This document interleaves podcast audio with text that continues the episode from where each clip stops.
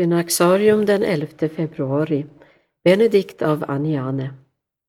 Idag firar den västerländska klosterrörelsen minnet av Benedikt av Aniane, en klosterreformator som levde under Karl den stores tid, det så kallade karolingiska riket.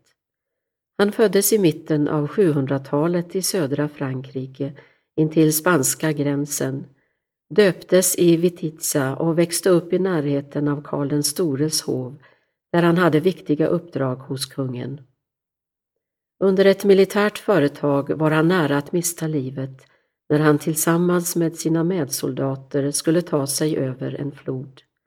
Efter denna händelse flyttade han till området kring Dijon, blev munk och tog namnet Benedikt.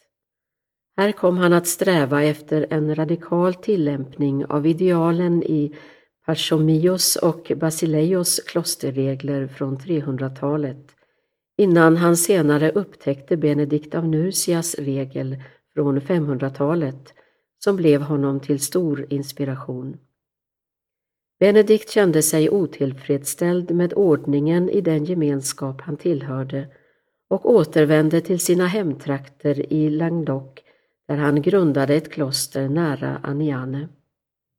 Många kloster hade förvärldsligats och han önskade förverkliga ett monastiskt liv i Kristi efterföljd, värdigt Benedikts regel, något som uppskattades av Karl den store och dennes efterträdare Ludvig.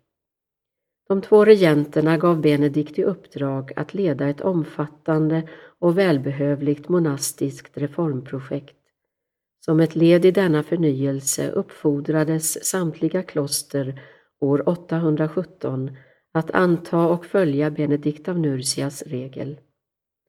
Utöver att förnya det inre livet i klostren verkade Benedikt för en större enhet och sammanhållning mellan klostren som på många håll utvecklats till egna samhällen utan större kontakt med varandra.